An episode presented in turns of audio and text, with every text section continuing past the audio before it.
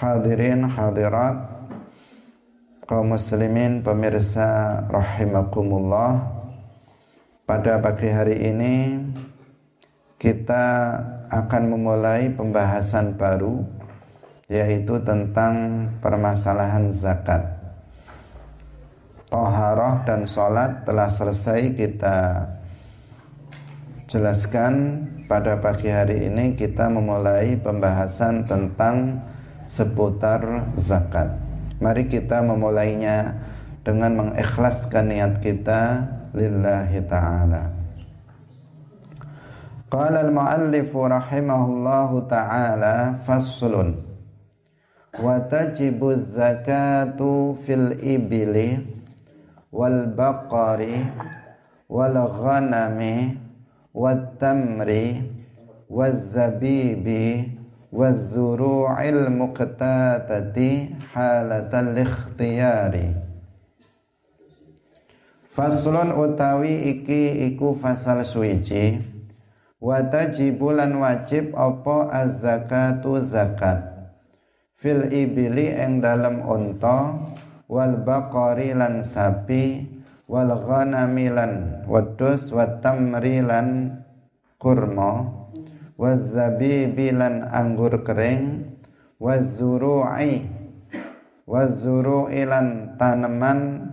Al muqtadati kang dadi tanaman pikuatan. Halatal ikhtiyari ing dalem tingkah normal. Wazahabi lan emas wal fiddati lan perak. Wal ma'dini wal ma'dini lan tambang emas warrikazi lan warrikazi lan temuan minhuma sangking emas lan perak. Wa amwalit tijarati lan pira-pira bondo dagangan wal fitrati lan zakat fitrah. Hadirin hadirat rahimakumullah di awal pembahasan tentang zakat, muallif menjelaskan tentang al-mal az-zakawi. Harta-harta yang diwajibkan untuk dikeluarkan zakatnya. Karena tidak seluruh harta yang kita miliki itu wajib untuk dikeluarkan zakatnya. Zakat itu adalah salah satu macam dari ibadah sebagaimana sholat, puasa, haji dan lainnya. Sehingga zakat itu memiliki aturan-aturan, memiliki ketentuan-ketentuan khusus nah, yang harus ditaati bagi orang yang mengeluarkan zakat. Tidak bisa seseorang itu berdasarkan akalnya, berdasarkan logikanya, kemudian dia mengeluarkan zakat semaunya. Nah, sebagaimana dalam sholat, misalnya sudah ditentukan sholat maghrib itu tiga rakaat. Nah, maka itu sudah ketentuan. Gak bisa seseorang misalnya mengatakan uh, sholat maghrib Mestinya empat rakaat. Saya kan sedang sehat-sehatnya kalau maghrib. Mestinya empat rakaat. Kalau isya itu mestinya dua rakaat saja. Misalnya itu tidak bisa. Kenapa? Karena ini adalah ibadah. Ibadah itu sudah ada aturannya dari syarat. Puasa juga demikian. Puasa itu dimulai dari subuh sampai maghrib. Mulai terbitnya fajar sodik sampai tenggelamnya matahari keseluruhan. Nah, nggak bisa seseorang dengan akalnya mengatakan misalnya kita uh, puasa sampai zuhur saja, puasa beduk misalnya itu nggak bisa, atau puasa sampai asar, atau sekalian sampai isya itu tidak bisa. Karena apa? Ini ibadah dan ibadah itu sudah ada ketentuannya dalam syarak yang harus diikuti. Nah, demikian juga dalam masalah zakat. dalam masalah zakat ini ibadah sudah ada ketentuan-ketentuannya termasuk dalam hal harta-harta apa saja yang wajib dikeluarkan zakatnya ini perlu kita tegaskan karena pada hari ini banyak orang-orang tertentu yang mewajibkan zakat untuk harta-harta yang itu nggak ada dalam syarat ada sebagian orang mewajibkan seorang dokter mengeluarkan zakat atas nama profesi. Ada lagi seseorang yang mewajibkan PNS untuk mengeluarkan zakat. Ada lagi orang yang mewajibkan orang yang misalnya menanam atau beternak ayam untuk mengeluarkan zakat. Padahal itu nggak ada di dalam syarat. Nah, ini hanya berdasarkan akal, hanya berdasarkan pemikiran mereka sendiri. Mereka lupa bahwa zakat itu adalah ibadah, sama dengan sholat, sama dengan puasa, sama dengan haji yang memiliki aturan-aturan yang sudah ditentukan oleh syarat, oleh Al-Quran dan hadis. Sudah ditentukan. Ini tata caranya. Ini yang wajib dizakati, ini nggak wajib. Itu semuanya sudah ditentukan oleh syarat. Sehingga harus ditaati. Jangan ngarang-ngarang sendiri. Jangan buat aturan sendiri. Jangan mewajibkan sesuatu yang tidak diwajibkan oleh syarat, oleh Allah dan Rasulnya. Nah ini tidak boleh seseorang mewajibkan sesuatu yang tidak diwajibkan oleh Allah dan Rasulnya. Maka di sini penting uh, untuk kita perhatikan. Mu'allif di awal kitab ini menjelaskan tentang al-amwal uh, atau al-mal az-zakawi yaitu harta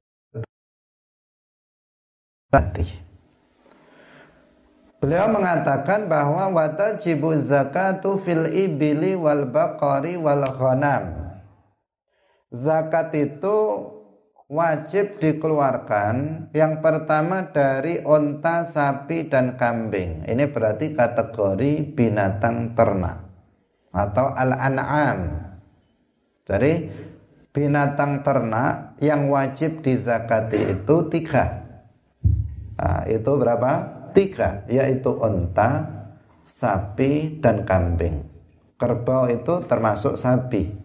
Kerbau termasuk sapi juga wajib dikeluarkan zakatnya. Tiga ini yang disebutkan di dalam syarat onta, sapi dan kambing.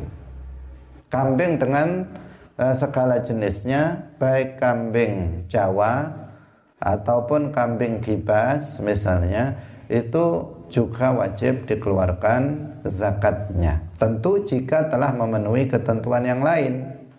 Nah, selain tiga binatang ternak ini berarti tidak termasuk harta yang wajib dizakati. Tidak termasuk binatang ternak yang wajib dizakati.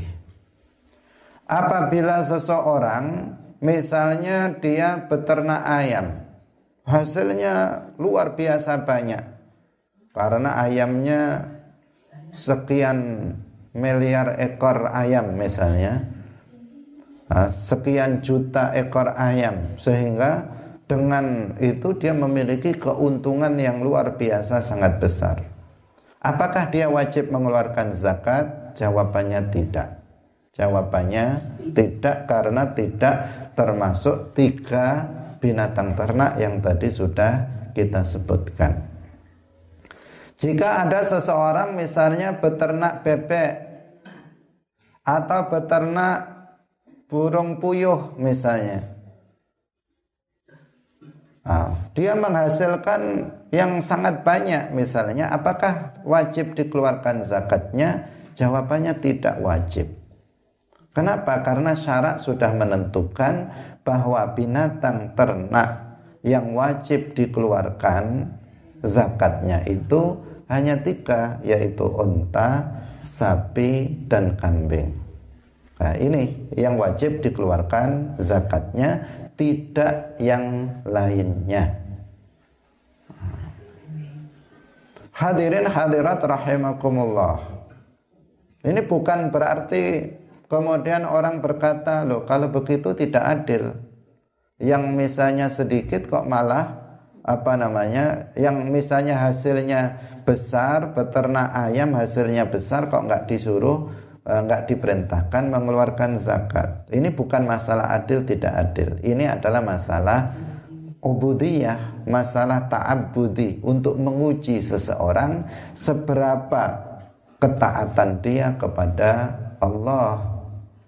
Nah, sama seperti tadi itu. Sama seperti tadi itu. Puasa misalnya.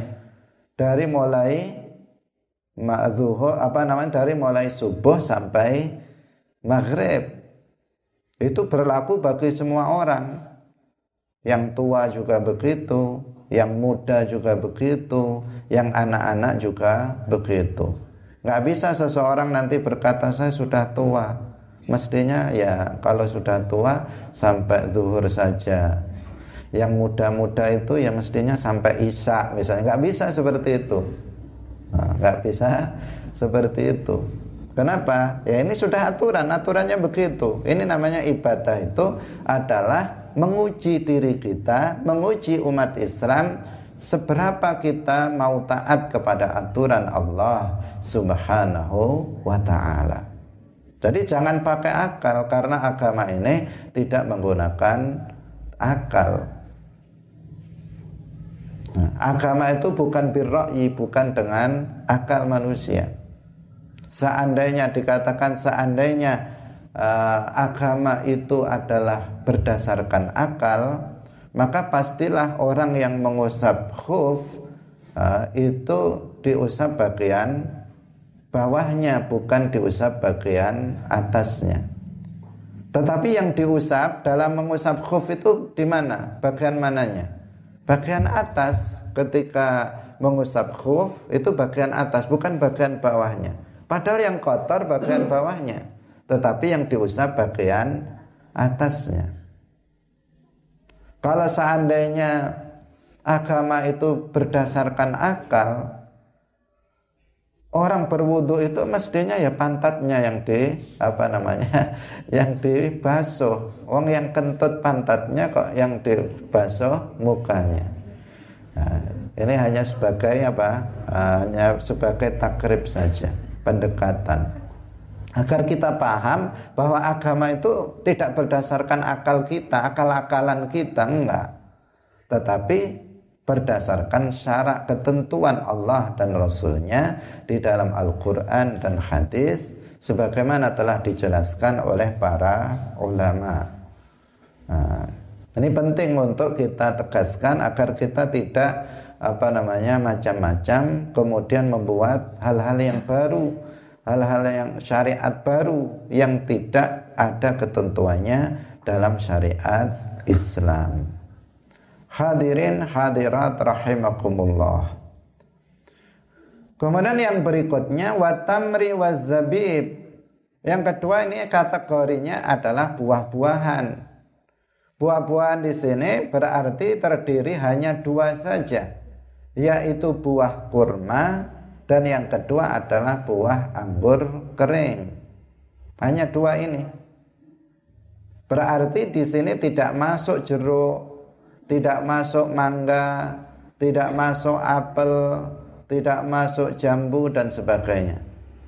Meskipun seseorang misalnya punya kebun jeruk yang beberapa hektar yang hasilnya itu sangat banyak atau seseorang itu memiliki kebun apel yang luas yang hasilnya juga banyak itu tidak wajib dikeluarkan zakatnya tidak wajib dikeluarkan zakatnya. Bukan berarti kemudian dia lepas dari kewajiban untuk mengeluarkan sesuatu dari hartanya itu, tetapi bukan zakat, bisa berupa infak atau yang lainnya. Nah, zakat tidak, tetapi ada kewajiban lain bagi dia, bagi orang yang memiliki harta benda uh, yang apa namanya untuk menginfakkan harta bendanya misalnya untuk kepentingan dakwah untuk memberikan makan orang yang kelaparan dan seterusnya. Nah, tetapi untuk zakat tidak. Dia tidak wajib untuk mengeluarkan zakat. Jadi hanya dua yaitu buah kurma dan buah anggur kering. Hadirin rahimakumullah. Berikutnya yang ketiga wal ghanami wat tamri tadi sudah wat tamri waz zabib waz zuru'il muqtatati halatal ikhtiyar yaitu tanaman makanan pokok dalam kondisi normal tanaman makanan pokok itu adalah yang dijadikan sebagai penguat badan itu namanya makanan pokok kalau di daerah kita makanan pokok itu ya beras, padi. Beras itu apa namanya? Itu makanan pokok kita. Jagung itu makanan pokok. Artinya kalau kita sudah makan sudah makan nasi, maka biasanya kita mengatakan saya sudah makan. Tapi kalau makan roti ditanya apakah kamu sudah makan? Belum katanya. Misalnya makan ubi ditanya padahal sudah kenyang, ditanya apakah kamu sudah makan belum nah, padahal sudah kenyang dengan makan ubi misalnya atau roti karena apa? Karena makanan pokok kita itu adalah ah, nasi beras dan jagung. Nah, itu yang disebut dengan muktadah jadi makanan pokok makanan yang dijadikan sebagai penguat badan.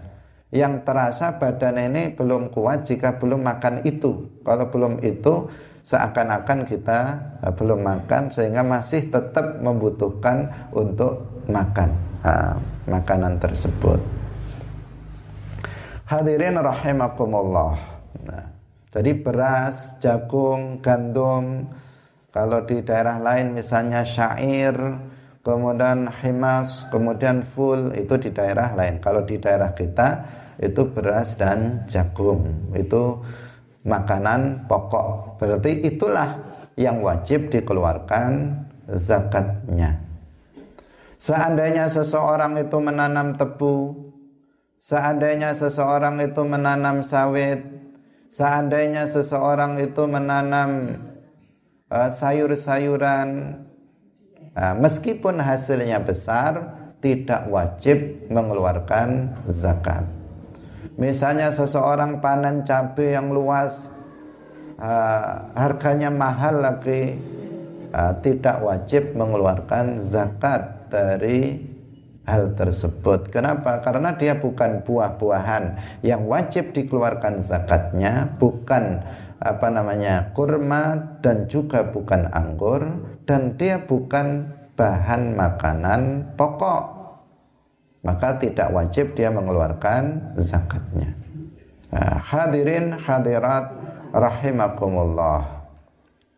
Nah, dikatakan fi halatil ikhtiyar atau halatal ikhtiyar menjadi bahan makanan pokok dalam kondisi normal. Seperti ini dalam kondisi normal.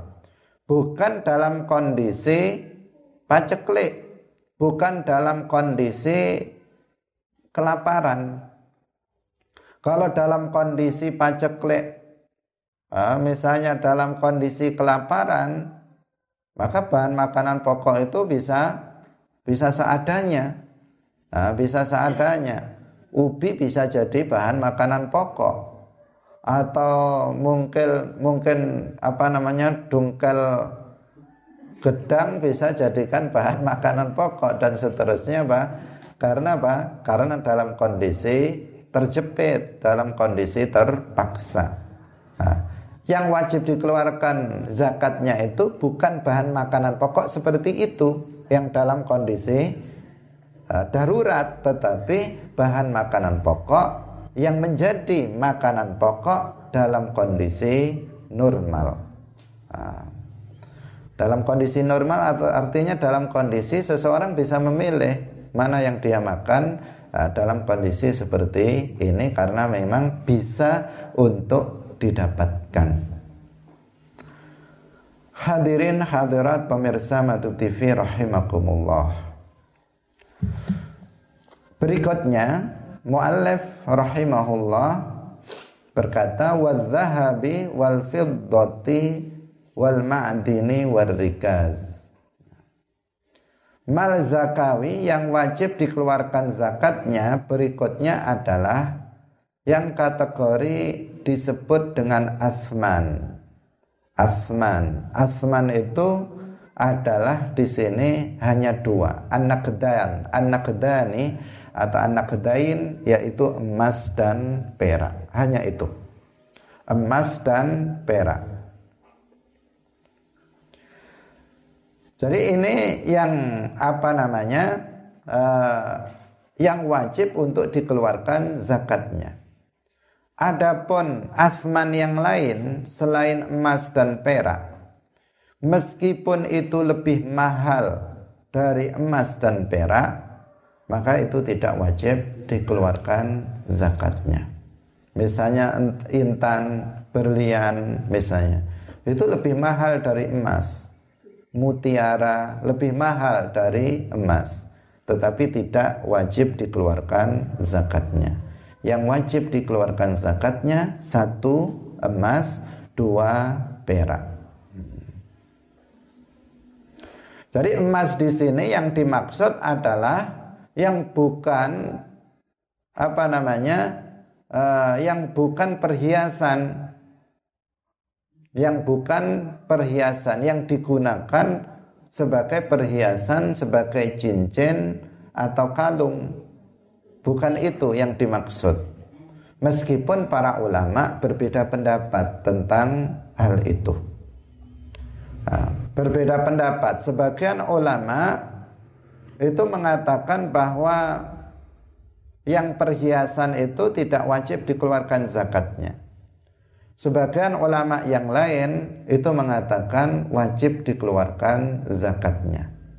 Maka dalam hal ini jika ada seorang perempuan memiliki perhiasan emas uh, yang jumlahnya nanti telah mencapai nisab sebagaimana akan kita jelaskan nanti jika banyak misalnya kalungnya satu kilo misalnya atau misalnya uh, cincinnya itu penuh uh, tang jarinya semua penuh dengan cincin yang uh, berat atau misalnya anting-antingnya juga besar nah maka yang lebih berhati-hati dalam masalah ini maka dia mengeluarkan zakatnya meskipun di sini apa hukumnya adalah khilafiyah ada perbedaan pendapat di antara para ulama. Tetapi sebaiknya ketika dalam kondisi ada khilaf, kita mengambil pendapat yang lebih berhati-hati. Al-ahwatu ini aslam. Nah, berhati-hati dalam masalah agama itu yang lebih selamat. Karena itu lebih baik dia mengeluarkan zakat dari perhiasan apa namanya emas ataupun perak. Nah, bagi perempuan karena bagi laki-laki tidak boleh menggunakan perhiasan emas. Kalau perak maka diperbolehkan. Hadirin hadirat rahimakumullah. Jadi uh, pada dasarnya dia bukan perhiasan tetapi dia adalah misalnya emas dan perak yang dijadikan sebagai mata uang jadi mata uang itu dahulu kan emas dan perak. Kalau mata uang emas namanya dinar. Kalau mata uang perak namanya dirham. Nah, jadi ada dinar, ada dirham. Itu memang uang itu dicetak terbuat dari emas. Kemudian dirham. Nah, itu masa lalu seperti itu. Di mana pun di Indonesia ataupun di luar negeri di Timur Tengah apalagi semua dulu dahulu kala itu yang digunakan sebagai alat tukar alat tukar itu uang itu adalah emas dan perak hmm. Seperti di Indonesia misalnya zaman dulu Majapahit atau sebelum kerajaan-kerajaan sebelumnya itu kan uang emas yang dijadikan sebagai alat tukar bukan kertas atau logam seperti yang kita temukan sekarang. Nah, itulah yang wajib dikeluarkan zakatnya. Adapun mata uang kertas atau logam yang bukan emas dan perak yang pada hari ini kita pakai maka itu tidak termasuk nakdan, tidak termasuk asman yang wajib dikeluarkan zakatnya menurut Imam Syafi'i. Nah, menurut Imam Syafi'i dan Imam Malik. Jadi kalau kita misalnya memiliki uang tabungan sekian miliar misalnya. Ini dalam madhab syafi'i tidak wajib dikeluarkan zakatnya. Zakat. Nah, bukan infak atau yang lainnya. Tidak wajib dikeluarkan zakatnya. Menurut madhab syafi'i dan menurut madhab maliki. Tetapi kalau menurut Imam Abu Hanifah maka wajib dikeluarkan zakatnya. Kalau kita menabung uang misalnya sampai sekian sudah mencapai nisab maka itu apa wajib dikeluarkan zakatnya menurut Imam Abu Hanifah. Kenapa? Karena menurut Imam Abu Hanifah fungsi uang meskipun dia terbuat dari kertas atau logam itu fungsinya sama dengan emas dan perak. Jadi fungsinya itu sama dengan dinar dan dirham pada masa lalu. Karena itu karena memiliki kesamaan fungsi, maka emas dan perak, maka uang kertas atau logam ini juga wajib dikeluarkan zakatnya. Menurut siapa? Al-Imam Abu Hanifah. Laki-laki dalam hal ini Nah, kalau kita ingin berhati-hati dalam agama, maka hendaknya kalau kita memiliki uang se sejumlah uang yang telah mencapai nisab yang nanti akan kita terangkan di belakang berapa nisabnya itu hendaknya kita keluarkan zakatnya. Nah, seperti tadi, ini masalah apa? Khilafiyah, masalah perbedaan pendapat di antara para ulama ada yang mengatakan uang itu tidak wajib dikeluarkan zakatnya dan itu Imam Syafi'i Imam Malik mengatakan begitu. Nah, ada Imam Abu Hanifah berpendapat lain bahwa uang kertas ataupun logam itu juga wajib dikeluarkan zakatnya karena dia memiliki fungsi yang sama dengan emas dan perak dinar dan dirham pada masa yang lalu. Nah, jadi kita menekankan di sini meskipun kita jelaskan pendapat ini, tetapi kita menekankan kepada kaum muslimin yang memiliki tabungan uang yang uh, sudah mencapai nisab, insya Allah besok kita jelaskan secara rinci, hendaknya untuk mengeluarkan zakat, zakat uang. Meskipun apa tadi? Ada khilaf, sebagian ulama mengatakan tidak wajib untuk mengeluarkan zakat. Tetapi tadi sudah kita katakan al ahwatu fitini aslam. Mengambil pendapat yang lebih berhati-hati dalam agama itu itu lebih nah, menjamin keselamatan kita. Hadirin hadirat rahimakumullah. Yang berikutnya adalah ma'din. Ma'din itu artinya tambang emas dan perak. Jadi emas dan perak yang dikeluarkan dari tempat di mana keduanya diciptakan. Jadi ini kalau emas berarti emasnya masih emas yang belum belum dicetak. Dia emas yang masih bercampur dengan tanah Misalnya yang ada di mana itu? Yang ada di uh, Papua, di sana ada gunung emas. Nah, maka di situ kan di situ Allah menciptakan emas itu.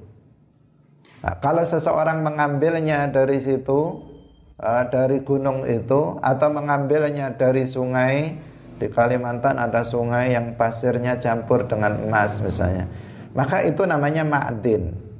Seseorang yang mendapatkan emas dari situ dari tempat diciptakannya Allah menciptakannya di situ masih bercampur dengan tanah-tanah itu kemudian disaring dan diolah sehingga kemudian uh, muncul emas.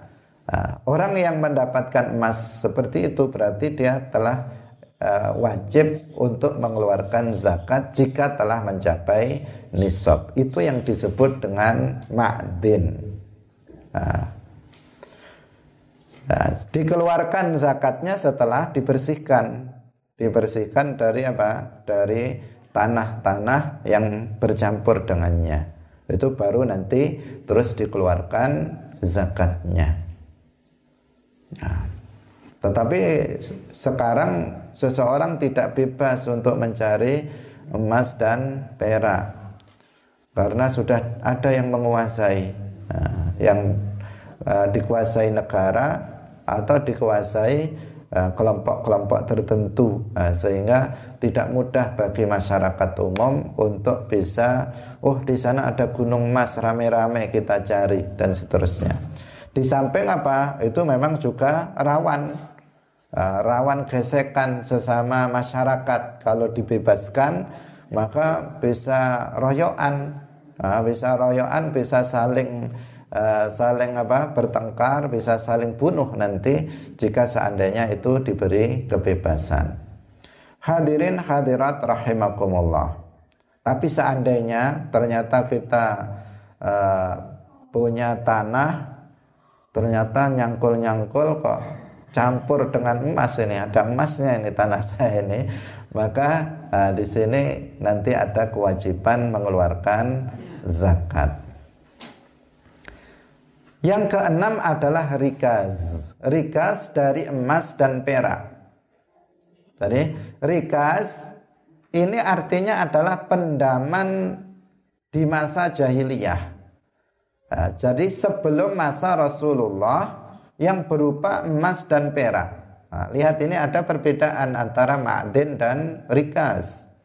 Kalau ma'din tadi memang dia tambang, dia memang Eh, masih campur dengan tanah memang emas yang yang masih uh, asal yang memang Allah ciptakan di situ masih bahan dari emas sementara kalau rikas itu pendaman di masa jahiliyah misalnya seseorang nyangkol tiba-tiba keluar di situ gentong emas misalnya karena zaman dahulu kan seperti itu. Zaman dahulu itu uh, orang uh, piring, sendok, gentong atau itu terbuat dari emas.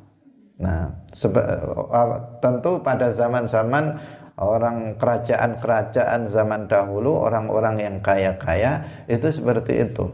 Nah, ketika seseorang mencangkul ternyata dia uh, ketemu gentong terbuat dari emas isinya perhiasan emas semua misalnya. Ini membayangkan saja seandainya ya, seandainya. Jadi ternyata di situ tertulis tahun. Ada tahun uh, tahun uh, apa usia daripada uh, gentong emas itu ternyata dirunut ini sudah terpendam sejak zaman sebelum Rasulullah. Nah, sebelum Rasulullah. Berarti ini yang disebut dengan pendaman jahiliyah. Maka inilah yang disebut dengan rikaz yang wajib untuk dikeluarkan zakatnya. Tetapi apabila ternyata tertulis di situ uh, zaman setelah Rasulullah Misalnya terpendam baru sekitar 100 tahun yang lalu. Maka ini bukan rikas yang wajib dikeluarkan zakatnya. Karena rikas di sini adalah dia adalah dafin jahili. Jadi masanya itu sebelum Rasulullah. Jika tidak ada tahunnya, maka kalau para ahli purbakala itu bisa bisa mengetahui, oh ini sudah terpendam sejak sekian tahun. Itu tahu bagi para ahli. Nah, karena uh, banyak sekali ya di dalam tanah ini terpendam uh, sesuatu. Termasuk di Indonesia ini banyak sekali uh, yang terpendam itu emas perak juga ada, kemudian juga ada apa namanya peninggalan-peninggalan uh, umat agama lain pada masa lalu seperti candi, seperti patung itu banyak sekali di di Jawa ini banyak sekali ditemukan, nah, banyak sekali ditemukan dalam uh, dalam tanah yang sangat dalam. Nah, itu artinya apakah kira-kira pernah uh, mungkin akibat dari gunung meletus sehingga menimbun uh, menimbun uh, kampung atau menimbun menimbun daerah tertentu. Atau mungkin ya seperti pada zaman nabi-nabi zaman dahulu pernah Allah menurunkan azab di balik kampung itu diangkat kemudian dibalik dijungkirkan ke bawah sehingga banyak yang berada di dalam tanah atau bagaimana bahkan sebagian ditemukan ada kota di dalam laut.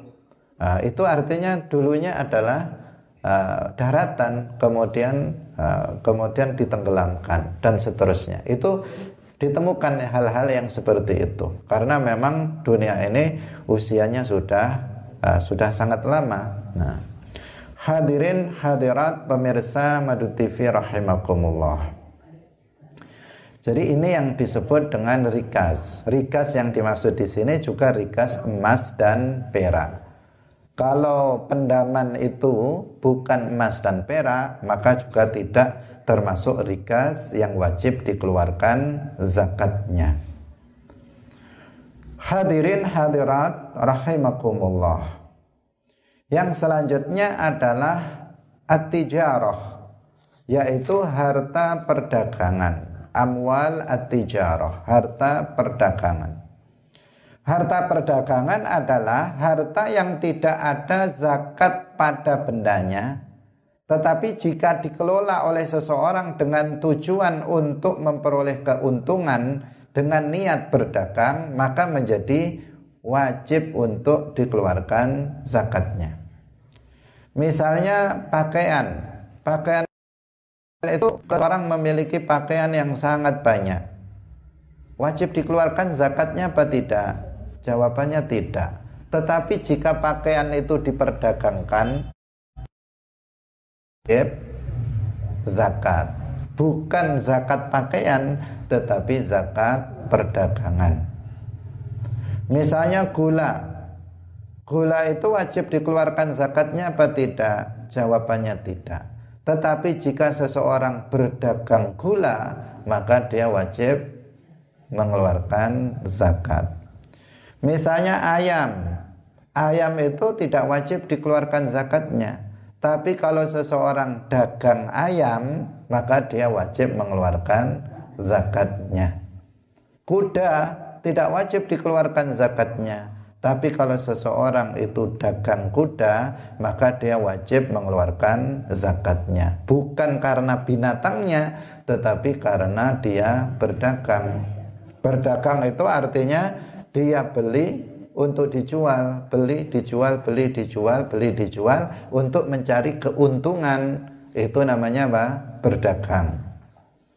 Itu namanya berdagang. Bukan sekedar misalnya kita punya Misalnya kita punya apa namanya pakaian, terus saya jual ke kamu sekali itu saja, itu namanya nggak dagang. Dagang itu misalnya saya beli baju, kemudian saya jual, beli baju lagi, saya jual lagi kepada orang lain, itu namanya berdagang. Nah, tujuannya adalah untuk memperoleh keuntungan dari uh, dari perdagangan tersebut. Nah, jadi benda-benda yang tidak wajib untuk dizakati secara bendanya dari sisi bendanya tetapi jika benda-benda itu diperdagangkan maka menjadi wajib dizakati dengan atas nama apa? atas nama perdagangan bukan atas nama benda tersebut. Hadirin hadirat rahimakumullah. Kemudian yang terakhir wal fitrah yaitu zakatul fitr. Zakatul fitrati, zakat fitrah. Nah, ini tidak tergolong sebagai zakat mal tetapi disebut zakatul badan. Jadi zakat secara global itu bisa dibagi menjadi dua. Yang pertama disebut dengan zakatul mal, yang kedua disebut zakatul badan. Zakatul mal itu meliputi yang tadi kita sebutkan yang tujuh tadi, yaitu mulai dari misalnya binatang ternak, buah-buahan, tanaman makanan pokok, kemudian asman emas dan perak, kemudian ma'din, kemudian rikas, kemudian harta perdagangan. Ini semuanya namanya zakatul mal. Karena ada seseorang yang kurang memahami mengatakan zakat mal itu zakat uang. mengatakan seperti itu. Bahkan tadi kita terangkan tentang uang pun ada perbedaan pendapat di antara para ulama. Zakat mal itu ya tujuh ini. Ini namanya zakat mal. Nah. Yang kedua namanya zakatul badan yang disebut dengan zakatul fitr atau zakatul fitrati, zakat fitrah. Kita menyebutnya biasanya zakat fitrah.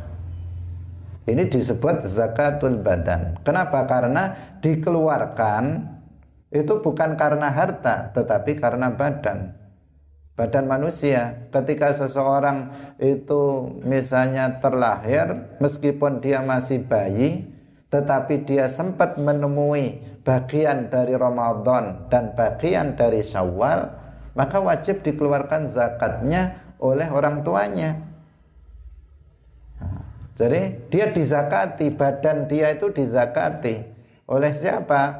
Oleh orang yang berkewajiban mengeluarkan zakat untuknya. Jika jika anak itu belum balik, maka orang tuanya yang mengeluarkan zakat badan dia. Bukan dia wajib mengeluarkan zakat, tetapi orang yang menafkahi dia, yang bertanggung jawab, berkewajiban menafkahi dia, itu yang berkewajiban mengeluarkan zakat badan dari si anak tersebut yang apa sehingga disebut dengan zakatul badan. Hadirin hadirat rahimakumullah. Inilah harta-harta dan badan yang wajib untuk dizakati. Nah, perlu ditegaskan kembali bahwa selain hal-hal yang tadi telah kita sebutkan itu tidak wajib dikeluarkan zakatnya. Dari semua apa harta yang sudah kita sebutkan jika tidak masuk kategori itu maka tidak wajib uh, apa namanya uh, mengeluarkan zakatnya. Seseorang yang misalnya memiliki banyak rumah kontrakan, dia punya banyak rumah, misalnya di di dekat kampus uh, untuk kontrakan mahasiswa, maka dia tidak wajib mengeluarkan zakatnya. Meskipun dengan rumah kontrakan itu dia sudah apa? Uh, dia sudah bisa uh, lebih-lebih uh, penghasilan dia. Dia tidak wajib mengeluarkan zakatnya. Tapi kalau orang dagang hmm, dagang rumah, misalnya beli rumah untuk dibeli dan begitu seterusnya, maka dia wajib karena berdagang. Tapi kalau kontrak, mengkontrakkan menyewakan rumah atau misalnya menyewakan mobil, punya bis uh, eh, 100 bis misalnya kemudian disewakan. Itu juga tidak wajib mengeluarkan zakat uh, zakatnya. Karena itu bukan termasuk mal zakawi yang tadi telah kita apa namanya jelaskan. Demikian juga seseorang yang memiliki profesi-profesi yang menghasilkan uh, menghasilkan apa namanya uh, uang itu juga tidak wajib mengeluarkan zakatnya. Meskipun pada masa sekarang banyak orang yang kemudian berdasarkan akalnya kemudian mewajibkan orang uh, orang-orang profesional yang memiliki profesi-profesi tertentu itu untuk mengeluarkan zakat. Padahal orang yang memiliki profesi-profesi tertentu yang menghasilkan uang itu sudah sudah ada sejak zaman Nabi. Penjahit itu sudah ada sejak zaman Nabi. Penjahit itu sudah ada sejak uh, sejak zaman empat madhab itu sudah ada. Pegawai-pegawai pemerintah yang sekarang disebut PNS itu sudah ada zaman kerajaan-kerajaan dulu mulai zaman apa namanya Umar bin Khattab itu sudah ditata. Pegawai-pegawai pemerintah apalagi kemudian pada masa Daulah Umayyah, Daulah Abbasiyah itu pejabat-pejabat yang digaji oleh negara itu sudah banyak. Meskipun ada pada masa itu kenapa empat mazhab tidak mewajibkannya? Ya karena nggak wajib. Itu menandakan bahwa itu tidak wajib. Karena ada yang berkilah mengatakan loh kan dulu nggak ada itu. Ada siapa bilang tidak ada? Nah, sudah ada pegawai-pegawai pemerintah itu sejak dulu sudah ada dan mereka juga digaji tetapi meskipun begitu para ulama madhab 4 juga tidak mewajibkan mereka untuk mengeluarkan zakat. Nah, dokter apakah nggak ada zaman dulu sejak sejak zaman dahulu sejak zaman Nabi Muhammad sebelum Nabi Muhammad tabib itu ada. Ah. dan mereka juga mendapatkan upah dari apa namanya dari mengobati orang yang sakit. Nah, jadi nggak ada alasan uh, untuk mengatakan bahwa mereka itu wajib untuk mengeluarkan zakat.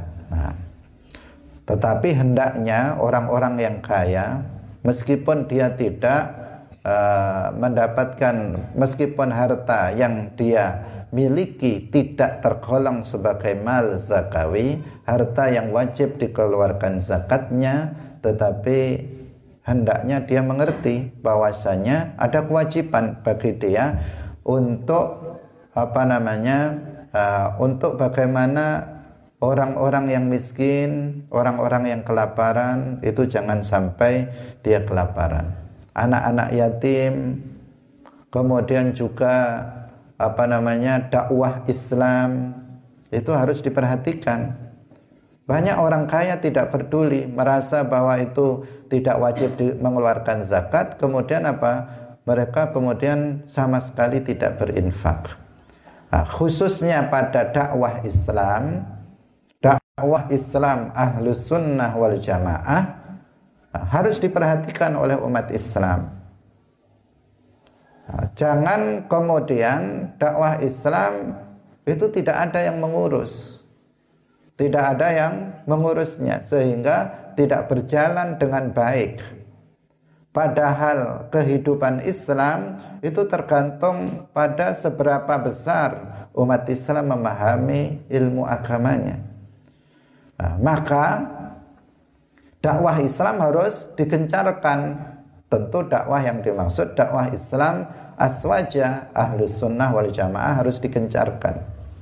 Jangan sampai para mubalik-mubalik itu kemudian sibuk dengan kehidupan pribadi dia, sibuk dengan uh, keluarga dia, tidak tidak fokus di dalam berdakwah khususnya pada zaman sekarang ini ketika muncul paham-paham aliran-aliran yang menyimpang dari ahli sunnah wal jamaah seperti Wahabi, Hizbut Tahrir dan lainnya nah, mereka gencar dalam berdakwah. Dai-dai mereka fokus dalam dakwah. Mereka fokus dengan lembaga-lembaga yang dibuatnya. Mereka melimpah dengan dana Sementara yang kita yang ahli sunnah wal jamaah orang-orang kayanya tidak peduli uh, dengan kondisi dakwah ahlus sunnah wal jamaah yang seperti itu. Mau mau para dai-nya sibuk dengan urusan ekonominya masing-masing. Uh, lembaga-lembaga nggak bisa didirikan dananya kurang nggak ada bahkan nggak peduli orang terhadap apa namanya perjalanan dakwah Islam. Ini sangat memprihatinkan sangat memprihatinkan kondisi yang seperti ini. Maka para agnia orang-orang kaya harus lebih fokus dalam masalah ini. Bukan kemudian fokus membangun masjid.